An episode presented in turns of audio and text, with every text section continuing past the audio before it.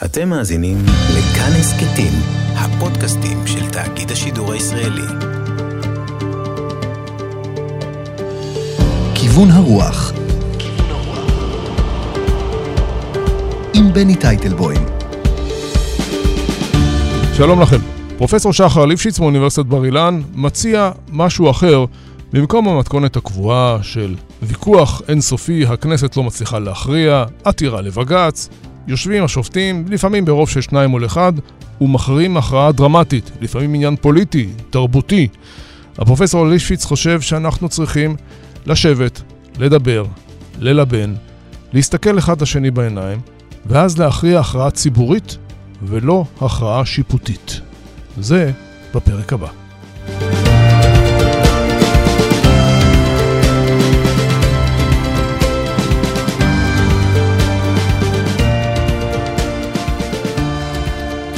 שלום הפרופסור שחר ליפשיץ, ראש מרכז מנמדין למשפט יהודי ודמוקרטי באוניברסיטת בר אילן ומיוזמי הקונגרס הישראלי. שלום בני. החברה הישראלית מגיעה אה, לשנת 2022 כשלמעשה כל ההכרעות הדרמטיות מוכרעות בבית המשפט או על ידי משפטנים, על ידי מערכת משפטית.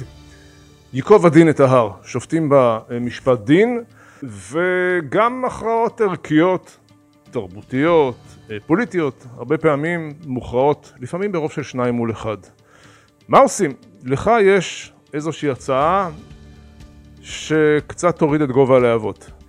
אז כהרגלך שמת את היד בדיוק על הנקודה.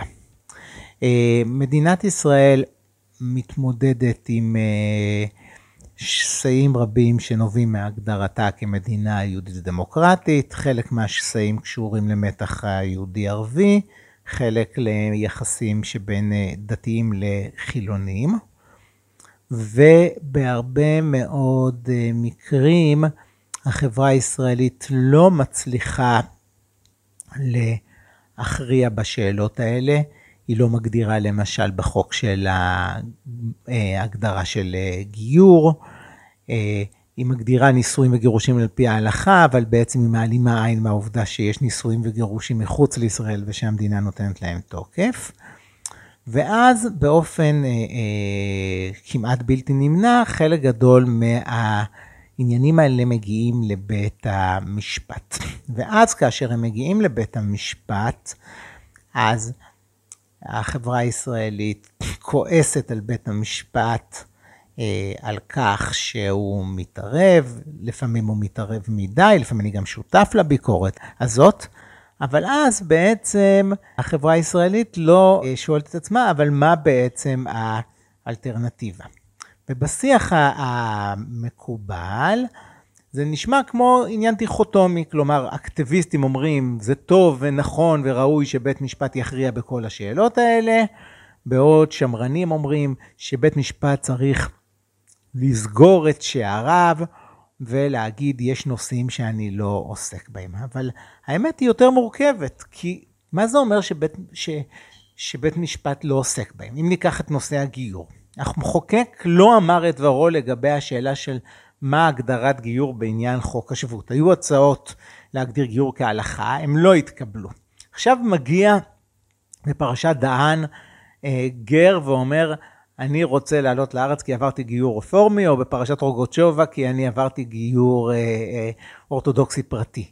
מה המשמעות שבית משפט יסגור את שעריו? לסגור את שעריו זה להגיד בעצם, אני דוחה את התביעה שלך, זה לא אי הכרעה. אז מה בעצם אנחנו מצפים מבית משפט לעשות? או אם ניתן עוד דוגמה פרקטית. חמץ בפצח בבתי חולים. בא, באים ארגונים ואומרים, אנחנו באים בשמו של אותו בן אדם שיהיה בבית חולים בפסח ולא יהיה לו מספיק זמן לעתור, ואנחנו בעצם כואבים את כאבו על כך שבעצם אורחיו לא יוכלו להביא לו חמץ גם בדלת אה, אמותיו. עכשיו, מה יכול בית המשפט לעשות? הוא יכול להגיד, אני לא מתערב, אבל מה זה לא מתערב? זה אומר שאתה דוחה את התביעה. אם באמת לבן אדם יש זכות לאכול אה, אוכל שאורח שלו נותן, אז בעצם אתה פגעת לו בזכות. הוא יכול, האם הוא יכול באמת לדחות את התביעה בלי דיון לגופו של עניין? בא השופט הנדל ואומר בצדק, יש כאן בעיה, יש כאן הרבה מדי ערכים שמעורבים, לא בית משפט הוא זה שצריך להכריע, אבל אז השאלה, אחד, מי כן צריך להכריע? בהנחה שאין כרגע חוק שמסדיר את העניין הזה באופן אה, ברור. ושתיים, האם בית משפט שלא רוצה להכריע בנושא הזה, יש לו אלטרנטיבה? אתה איש משפט, אז אתה חושב האם בית משפט צריך להכריע או לא להכריע. האם בית משפט לא יכול להגיד, זה לא תחום שיש לו הכרעה שיפוטית. זו שאלה ערכית, החברה על ידי נציגיה יכריעו בעניין הזה. לא בית משפט יחליט האם גיור תקף או לא, כי זו לא סוגיה משפטית בכלל. איפה הצניעות של השופטים לומר, בתחום הזה איננו יכולים לסייע לך, אדוני? אני מחזיר אליך את השאלה. לא משפטי, אבל עכשיו מגיע לבית משפט אדם שעבר גיור על ידי קהילה חרדית אורתודוקסית שאיננה הרבנות. יש חוק השבות והוא מבקש לקבל אזרחות. איך בדיוק בית משפט יכול שלא להכריע? מה זה אומר לא להכריע? הוא בא למחוקק, דרך אגב זה בדיוק מה שהוא אמר, הוא אמר למחוקק, תקבלו החלטות בנושא הזה. חיכה עשר שנים פחות או יותר, המחוקק לא חוקק. אז מה זה לא להכריע? הוא יכול לדחות את התביעה, אבל אז הוא גם הכריע, אז הוא בעצם קובע שגיור בישראל הוא רק גיור ממלכתי על ידי הרבנות. זאת לא לא הכרעה. זאת אומרת, מה התלונה שלך? האם התלונה שלך זה למה הכרעת, או התלונה שלך למה לא הכרעת לפי השקפת עולם מסוימת שהמחוקק לא הכריע בה. או בדוגמה של בתי החולים. אם בא ארגון מסוים ואומר, אה, אה, זה לא בסדר שמחטטים בתיקים של, של אלה שנכנסים לבית חולים. מה, מה בדיוק הכרעה או אי הכרעה פה? אם בית משפט אומר אני דוחה את התביעה שלך, אז הוא אומר מותר לשומרים לחטט בתיקים של נכנסים. זאת לא לא הכרעה. זאת אומרת, הטענה שאומרת, לא אנחנו, יש לנו, אנחנו צנועים ולכן לא נכריע, לא עומד את המקרים האלה. יש מקרים שאני מסכים איתך, שבהם בית משפט ביוזמתו נכנס לתחומים שאולי הם לא לא. אבל דווקא בתחומים האלה שמטרידים אותי, זה תחומים שבהם החברה הישראלית בעצם הפקירה את הזירה. אבל כאן יש בעיה יותר משמעותית, וזה לא בדיוק שהיא הפקירה, אלא שבעצם היא נתנה דומיננטיות לגופים מסוימים ולסוגי הליכים מסוימים ש- שהם לא המייצגים האותנטיים של החברה הישראלית. מה אני מתכוון? נניח שוב נ- נלך לדוגמה של הפסח. שני העותרים במקרה הזה היו אה, הפורום החילוני, שזה ארגון קיצוני שלא מייצג את כל החילונים בישראל, בטח לא את המסורתיים, ועדאלה שהוא ארגון ערבי לאומי, הוא לא מייצג את מחמוד עבאס לצורך הדוגמה, הוא לא מייצג מוסלמים דתיים. בצד השני עומדת הרבנות, שמציגה עמדה קיצונית שהיא לא בהכרחית על פי ההלכה, שאומרת לא אתן אה, אה, אה, כשרות למוסד של, ש, שלא ישים שומרים שיחטטו בתיקים. בסופו של דבר, בית משפט מקבל הכרעה שהיא לכאורה טכנית, שהוא אומר אין הסמכה בחוק, אבל בגלל שאין הסמכה בחוק, אז אסור לא רק לחטט בתיקים, אלא אסור גם לאסור את החמץ בפסח. כלומר, אסור גם שיש שלט שאומר אנחנו לא מרשים לכם להביא אה, אה, חמץ. עכשיו שימו לב, לפי ההצדקה הזאת, הפעם הבאה, כשמישהו יהיה יותר קיצוני וארגון עדאלה יעתור, תספקו לי חמץ בפסח, כמו שכבר יש, יש כאלה שרוצים לעשות בצבא, אז לכאורה בבית חולים, כיוון שאין חוק שאומר במפורש שבית חולים חייב להיות כשר, אז גם לפי הלוגיקה של בית משפט גם את זה היו מקבלים. וכאן השאלה שלי היא לא איך מקטרים, אלא מה אפשר לעשות הלאה. מה שאני מציע זה דבר כזה. כמו שבתחומים אחרים אתה לא באופן אוטומטי הולך להכרעה בינארית. והיום יש הבנה, נניח בדיני משפחה, שלפני שמגיעים כמוצא אחרון להכרעה בינארית, הכרעה בינארית זה או זה צודק או זה צודק, ושבית משפט צריך להכריע.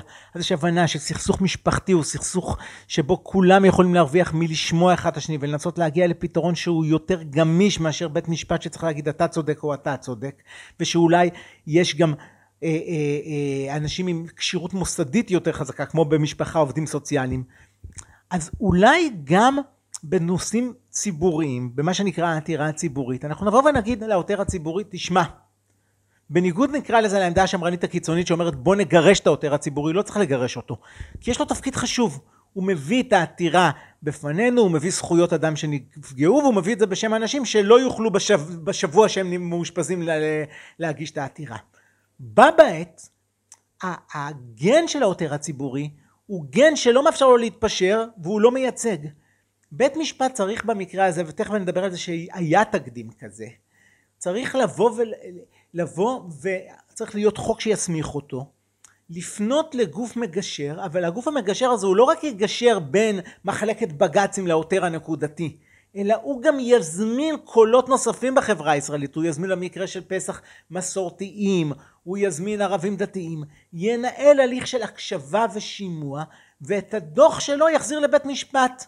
עכשיו בית משפט אחרי שישמע את זה יכול להיות שהוא יבוא ויגיד תשמעו מאחר ששמעתי עכשיו קולות מרובים ומגוונים וגם את התוצר של השיחה שהתקיימה ביניהם אני עכשיו חושב שאין הכרח להכריע בנושא או אם הוא יכריע בנושא הוא מקבל קולות מגוונים שיאפשרו לו לקבל הכרעה יותר מאוזנת מאשר לשמוע רק קולות של עותרים ציבוריים שהם חשובים אבל הם, חשוב, אבל הם חשובים כדי להעלות את הנושא לשולחן לא כדי לתת וטו כמו שקיים היום. שזה יש כנסת לא? אני מסכים היטב שיש כנסת אבל אבל גם אתה מסכים שבדוגמאות האלה הרי בא, בא בית משפט ואומר לכנסת את לא חוקקת את לא חוקקת וגם בדרך כלל מדובר כאן בבג"צים כנגד ממשלה והטענה היא בעצם שהממשלה לא פוגעת בזכות בלי הסמכה בחוק.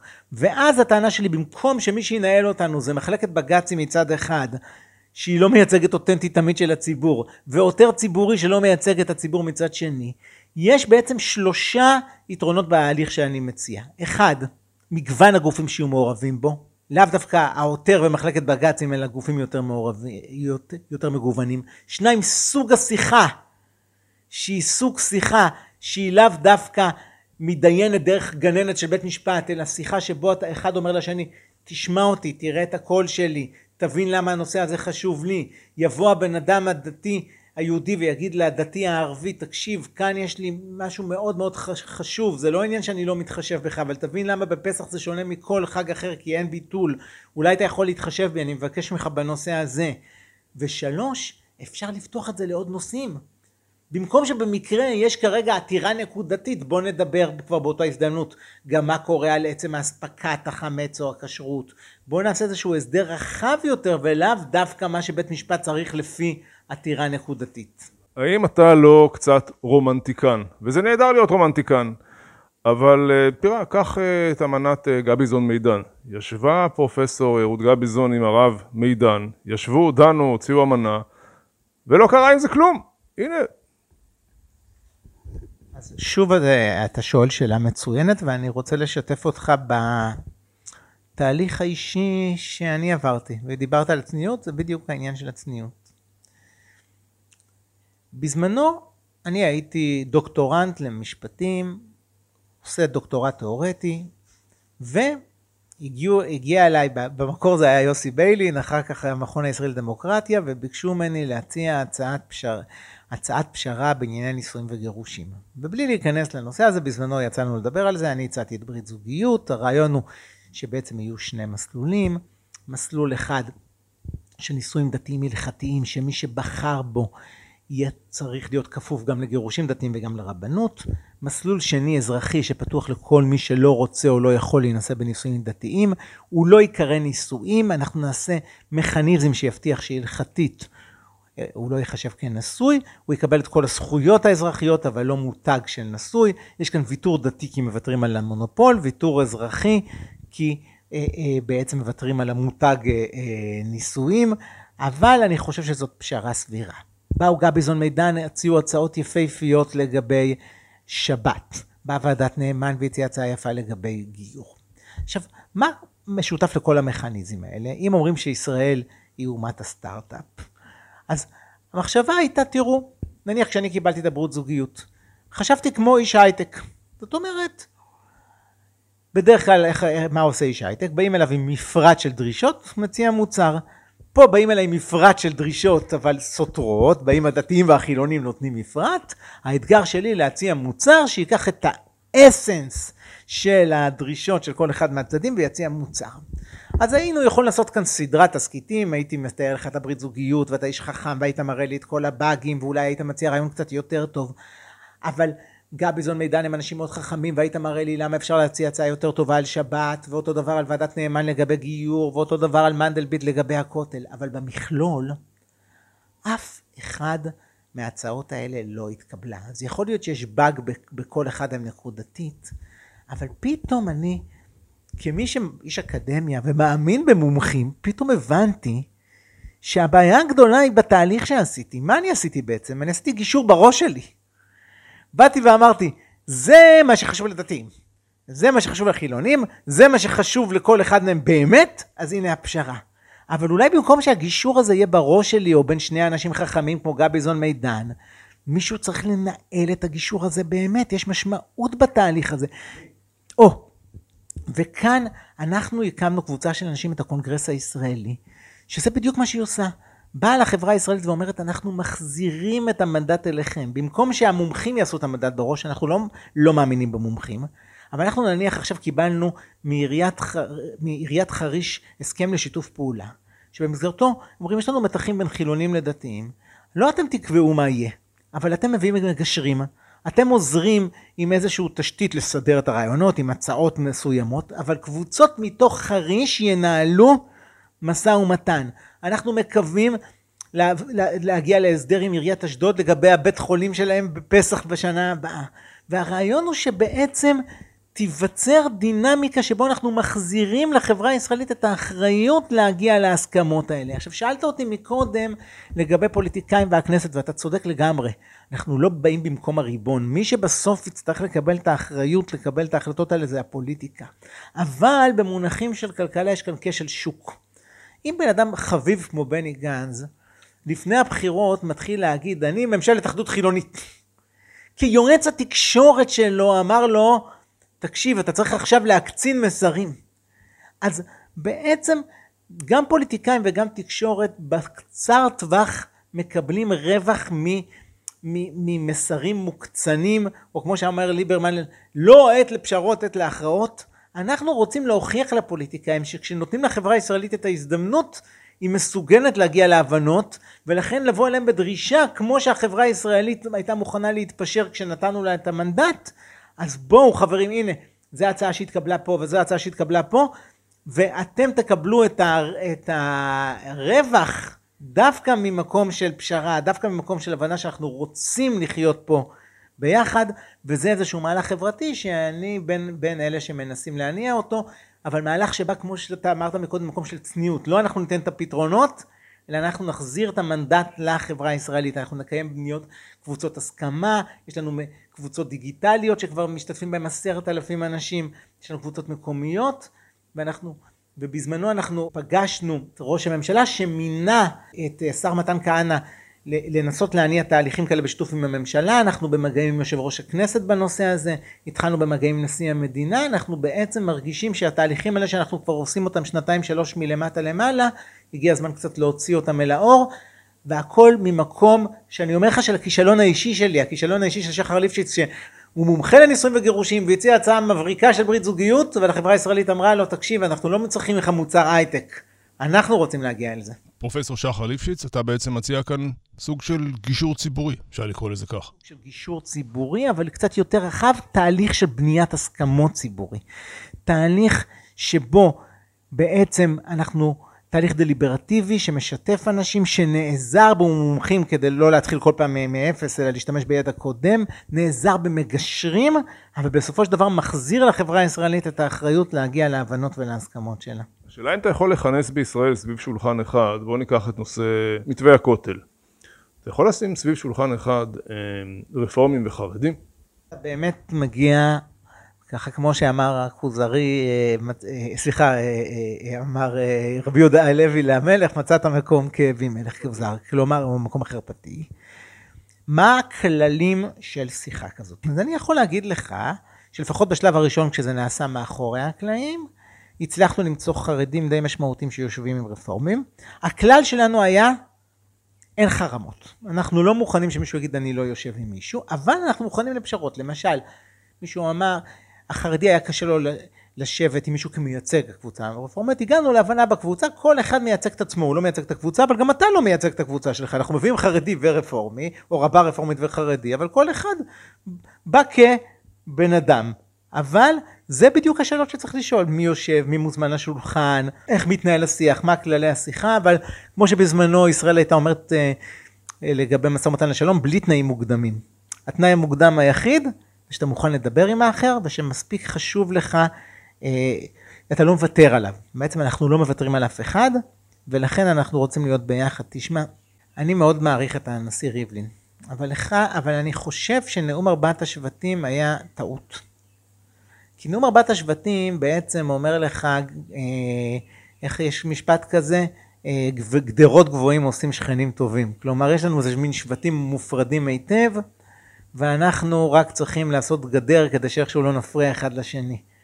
אבל הנאום הזה מת, מתעלם מזה שאנחנו לא שבטים נפרדים, אנחנו אחים. יש לי במשפחה אחות חרדיה, חסידת גור, אח חילוני ביביסט, ואני ציוני דתי. אז על מי מהם אני מוותר בשבטים האלה? מה זה כאילו, כשמדברים על מלחמת אחים, אני אדבר עם האחים שלי, וכשמדברים על שבטים וכל אחד צריך לבחור שבט, באיזה שבט אני בדיוק אהיה? אני לא מוכן לוותר על הזרויות המורכבות שלי, אני לא מוכן לוותר על האחים שלי, אני לא מוכן לדבר על, לוותר על הילדים שלי, שכל אחד מהם הלך לכיוון אחר. ולכן, אנחנו חייבים למצוא משהו שהוא טוב משותף, משהו שמאפשר איזה שהוא באמת שיחה כוללת, ולא איזה גדרות גבוהים שאיכשהו כל אחד יעשה בגטה שלו מה שהוא רוצה. בוא ניקח את נושא המסתננים. ואיך אתה, איך השיטה שלך, השיח הזה, השולחן העגול נקרא לזה, איך הוא פותר בעיה שאם אני זוכר נכון, היו כבר שלושה סבבים בין הכנסת לבג"ץ, שבג"ץ מבטל אה, את החלטת הריבון, את החלטת העם, בנושא המסתננים. יש לך פתרון לתושבי דרום תל אביב, לחברי הכנסת, לאיילת שקד? כאן באמת צריך להבחין בין הפתרון לבין תפקיד בית המשפט, ואם מקודם אמרתי שיש נושאים שבהם בג"ץ מואשם שלא בצדק, אז במסתננים אני חושב שהוא מבוקר בצדק. אז קודם כל נתחיל, עזוב, נתחיל בחברה הישראלית. כמו שהיטבת לשאול, דוגמת המסתננים היא סיפור שמראה כמה דיון בין אה, ארגון זכות אדם שמדבר בשם מסתנן לבין הממשלה מחמיץ כל כך הרבה שחקנים משמעותיים בשיח. כלומר, יש כאן שיקולים מערכתיים לאומיים. יש כאן את אנשי דרום תל אביב שהנושא הזה נופל לחיקם. במקום, בדיוק זה סוג הדברים שאתה אומר עוד לפני שזה מגיע לבית משפט, אם הייתה כאן איזושהי שיחה, שיחה יהודית דמוקרטית אמיתית, במקום שזה יצא שכאילו דמוקרטים הם בעד המסתננים ויהודים הם נגד. הסיפור הרבה יותר אה, אה, מורכב, כי גם הסיפור היהודי הוא מצד אחד סיפור שגרים הייתם בארץ מצרים, ו- ומצד שני סיפור שאתה אומר חשוב לי לשמר על רוב יהודי ואני מפחד מבעיה חברתית. הסיפור הדמוקרטי הוא גם מורכב, כי גם מדינה דמוקרטית צריכה שיהיה לה חוקי הגירה ולאום. אז קודם כל בשיחה עצמה, כשאתה מדבר על מדינת ישראל כמדינה יהודית ודמוקרטית, יש מאמר שכתבנו אורי אהרונסון ואני, שמדברים על זה שבמקום להשטיח את המונחים יהודי ודמוקרטי, בואו נחגוג אותם, הם מושגים עשירים. אז קודם כל, בש... גם בשיחה מה זה יהודי וגם בדמוקרטי, גם במי משתתף סביב השולחן, זה בדיוק המקרה שבו שיחה רחבה, רבת גוונים, הייתה יכולה להגיע לפתרונות הרבה יותר יצירתיים מאשר איזה מין ארגוני זכויות אדם נגד מחלקת בג"ץ. עכשיו לגופו של עניין, בסיפור פה, הבג"ץ הראשון, שבו באה מדינת ישראל ואומרת אני אוסרת אנשים בלי חוק שמאפשר לי לעשות את זה, הוא בג"ץ נכון ואני הייתי מצטרף אליו. כי במקרה כזה, במקרה כזה, זה בדיוק הנושא של זכויות אדם, מדינה לא יכולה אה, לאסור בן אדם שלא עבר עבירה פלילית, אנחנו כולנו כל מי שככה בזמנו חשב שזכויות אדם זה מין איזה משחק של שמאלנים, אז כשזה מגיע לפגיעה בזכויות אדם של מתנחלים או של, או של ארגוני ימין או של, או של מאחזים או של ביבי, כל אחד לפי זה פתאום לומד שזכויות אדם זה משהו הרבה יותר מורכב ושכולנו כדאי שנגן עליו לא מתוך פוזיציה. לכן הבג"ץ הראשון הוא בג"ץ הגיוני. אבל השני ועוד יותר השלישי. כאשר המדינה מכירה בזה שעקרונית מתקן חולות יכול להיות אה, משהו לגיטימי. ואז השאלה היא בשאלות טכניות שקשורות של מידה ומשקל.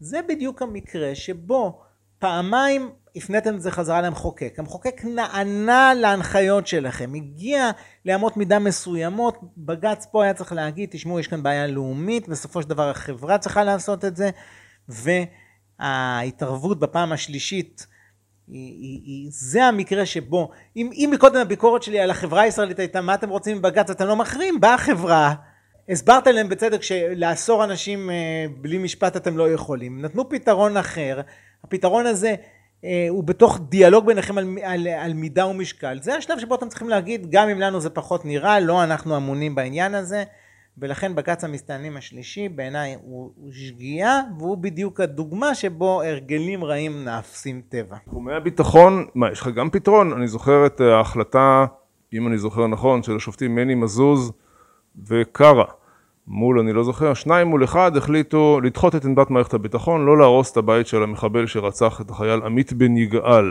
שני שופטים מול אחד, מכריעים כאן הכרעות ביטחוניות, שום אחריות לגבי המחבל הבא. אה, הקונגרס יכול להושיע גם כאן. דיברת על צניעות, אנחנו לא באים לפתור את כל הבעיות בעולם. זאת אומרת, אנחנו, בשאלות של ביטחון לעומת אה, אה, זכויות אדם, ותפקיד בית משפט לעומת המדינה, לי יש כשחר ליפשיץ השקפות בזה, גם כן זה לא תחומי המומחיות המובהקים שלי, אני לא, אפשר לעשות על זה רעיון אחר, אבל זה לא הנושא שמתאים לגישור לצורך העניין, אני חושב אבל שהשאלות של זהות מהסוג של גיור, חמץ ופסח, ומסתננים זה כן שאלות ש, שבהם שיח משולב מלמטה למעלה, עם ידע מלווה במומחים, עם מגשרים, יכול להשיג תוצאה טובה יותר מאשר הכרעות בינאריות בבתי משפט. אז אה, במקום כמו אשדוד, באמצע הקורונה, אם אתה זוכר, מתח אדיר בין חרדים לבין uh, חילונים. החרדים מרגישים שמתייחסים להם כמצורעים המודרניים, החילונים מרגישים שיש כאן איזה קבוצה של, שלא סופרת אף אחד אחר. אנחנו מפגישים קבוצה של חרדים ו... חילונים, ואומרים להם בואו, כאילו במקום להטיח האשמות אחד והשני, בואו תציעו הצעה פרודוקטיבית, הם מחליטים במקום לקבל חוקים או תקנות לצאת במיזם. המיזם הוא שקבוצות משותפות של חרדים וחילונים יצאו לרחובות אשדוד וכשהם יראו אנשים עם מסכה ייתנו להם תעודת הוקרה על הכבוד שהם רוכשים לציבור, זה נקרא אכיפה לטובה. המשטרה כל כך מתלהבת מזה שהיא, שהיא מאמצת את זה במקומות נוספים ברחבי הארץ. אז הנה דוגמה של יוזמה שמתחילה מלמטה למעלה, וזה דווקא לא דווקא הכרעה משפטית, אלא מין איזה מיזם שנבנה מתוך אה, אה, פעולה משותפת. הרעיון הוא לקחת מקום מסוים, בית חולים מסוים, לקחת סביב השולחן את הנהלת בית החולים, את הרבנות המקומית, אנשי דת, אה, נציגי הקהילה החילונית, אם זה מקום עם ערבים, נציגי ערבים, ולבוא ולהציע פתרון לפסח בשנה הספציפית שתהיה, ואז לנסות לראות אם נעשה את זה בעוד מקום ועוד מקום, הפתרונות יהיו דומים, להציף את זה כרעיון אה, ארצי. שוחחתי עם זה עם אה, כמה משפטנים. זה מאוד מעניין, העותרים הציבוריים הקלאסיים לא מתלהבים, אבל היו בעצם גם שופטים, למשל באותו כנס, שזה אני כן יכול להגיד, השופט הנדל אה, מאוד אהב את הדו-שיח בנושא הזה, וככה הוא בעצם הביע בפסק הדין את התסכול שלו, וכשאני נעניתי לתסכול ואמרתי, אז בוא, בוא, בוא נחשוב מה יכולת לעשות, אני חושב שזה מאוד עניין אותו והוא עוד מעט פורש, ואני מקווה שאולי הוא יצטרף למהלכים מהסוג הזה. טוב, אתה לוקח פה פרנסה לכל העותרים הציבוריים, זה הרבה גופים, הרבה אנשים אה, עובדים בזה ממש. זה מאוד מעניין, בדיוק זאת הטענה שלי. הטענה שלי זה ש... עותרים ציבוריים הם חשובים מאוד, אבל, אבל אמרת פרנסה ואתה לא טועה פה. זאת אומרת, המודל העסקי של עותר ציבורי זה שיש לו בדרך כלל מממן שלא משלם לו על זה שהוא מתפשר, אלא על ההישג שלו. ולכן אתה חייב בעצם לשבור פה את המודל העסקי הזה ולהגיד, יש לך תפקיד חשוב, אבל לא יכול להיות תפקיד יחידי. ואני חייב להגיד, אתה מכיר את זה בגיאומטריה, מה שהיה להוכיח, שבחלק מה... כשהצגנו בכנס את הרעיון שלי, אז חלק מהביקורות שאני קיבלתי מעותרים ציבוריים היו חשובים, והם הראו לי שבנושאים מסוימים באמת יכול להיות שכן צריכה הכרעה ויש פגיעה בזכויות אדם, אבל בחלק מהמקרים דווקא הביקורת שלהם הראתה לי כמה הם ארגונים שבעצם נוח להם באזור הזה של הבית משפט וכמה בעצם הם צר עולמם באיזשהו מקום, וכמה אי אפשר לה, לה, לה, לה, לה, להפקיר את ההסדרים החברתיים של החברה הישראלית בידי הגופים האלה כשלעצמם. התחושה אצל הרבה אנשים בימין זה שלפחות הייתה נכונה לפני כמה חודשים, שהשמאל מפסיד בקלפי, והוא מנסה לכבוש את השלטון באמצעות עותרים שממומנים הרבה פעמים על ידי מדינות באירופה, ושופטים שקשובים בגלל שהם מוטים שמאלה, וכך הפסיקות של בג"ץ מתויגות כפסיקות שמאל עוינות לרצון העם, וזה יוצר אה, מפץ מאוד אה, דרמטי. אתה מסכים אגב לניתוח הזה? אז תראה, זה, זה, זה, זה, זה קצת פשטני. כי רוב שופטי בג"ץ הם לא שמאל ולא ימין, כזה, הם, הם, בוא נגיד, בטח לא שמאל, אה, לא ציוני, הם, אבל אני כן מסכים שהחברה הישראלית העבירה יותר מדי דברים שהייתה צריכה להכריע בהם בעצמם לבתי משפט, בחלק מהמקרים זה אשמת החברה הישראלית, בחלק מהמקרים, כמו במסתננים שלוש, הבג"ץ קפץ מהר מדי לעניין, ואני כן חושב שהחברה הישראלית בשלה גם לשיחה אחרת, גלוית פנים יותר, פחות נפשף מסכות. אני חושב שאותו דבר גם לגבי החרדים. למשל, גם בחרדים זה די מצחיק שבעצם החרדים אף פעם לא היו חלק מהשיחה בבית המשפט. עכשיו מה קורה? יש חוק, ואז מי שמגן על החוק בבית משפט זה מחלקת בג"צים, אבל החרדים הם לא מתוך השיחה הזאת. אבל מצב עניינים של שיחה אמיתית, מצב עניינים שבו בעצם אתה בא ואומר, חברים, זה לא ערך לימוד התורה, אלא הם רוצים לשמר את, ה, את התרבות שלהם. מצד שני, אנחנו כחברה, מה שאנחנו באמת מפסידים פה זה לא את השירות הצבאי שלהם, אלא את השתלבותם במשק. ואז אם כתוצאה מערך השוויון אנחנו בעצם אומרים, אז רק אחרי שש שנים הם, הם ישתחררו, אנחנו עושים הפוך. כי גם מי שרוצה בעצם ללכת לשוק העבודה לא יוכל. אז אולי כהוראת שעה צריך דווקא כמו החוק החדש שלא עבר בכנסת, שהוא חוק הגיוני, שבא ואומר, עזבו, במקום ללכת לכם על הראש, אנחנו הולכים משהו אחר לגמרי. כהוראת שעה, מי שבגיל 21 ירצה ללכת לעבוד, יוכל ללכת לעבוד, לא יצטרך לקבל, אה, ללמוד באופן פיקטיבי בישיבה, ובעצם ניתן לכם הזדמנות ולהגיע למשק, להיות אה, אזרחים יצרנים ותורמים, בלי שאתם צריכים את החתימה של הראש ישיבה כדי לקבל את הפטור מהצבא. אז כאן דווקא יש רעיון יצירתי, אני מקווה שבית משפט יהיה מאוד חכם. ויבין שכהוראת שעה זה משהו הגיוני ולא ישלם מס שפתיים כזה לעקרון השוויון שבכל מקרה לא ממומש, כי בכל מקרה החרדים הם לא בצבא, וגם הצבא לא באמת רוצה וצריך אותם בשלב הנוכחי. תודה לך, פרופסור שחר ליפשיץ מאוניברסיטת בר אילן, תודה גם לעורך איתי סופרין. אפשר להזין לנו באתר כאן, ביישומון כאן, בכל יישומוני ההסכתים. מומלץ בחום, דף הפייסבוק כאן הסכתים. שיהיה לכם הרבה בריאות, אני בני טייטלבום, תודה ושלום. כיוון הרוח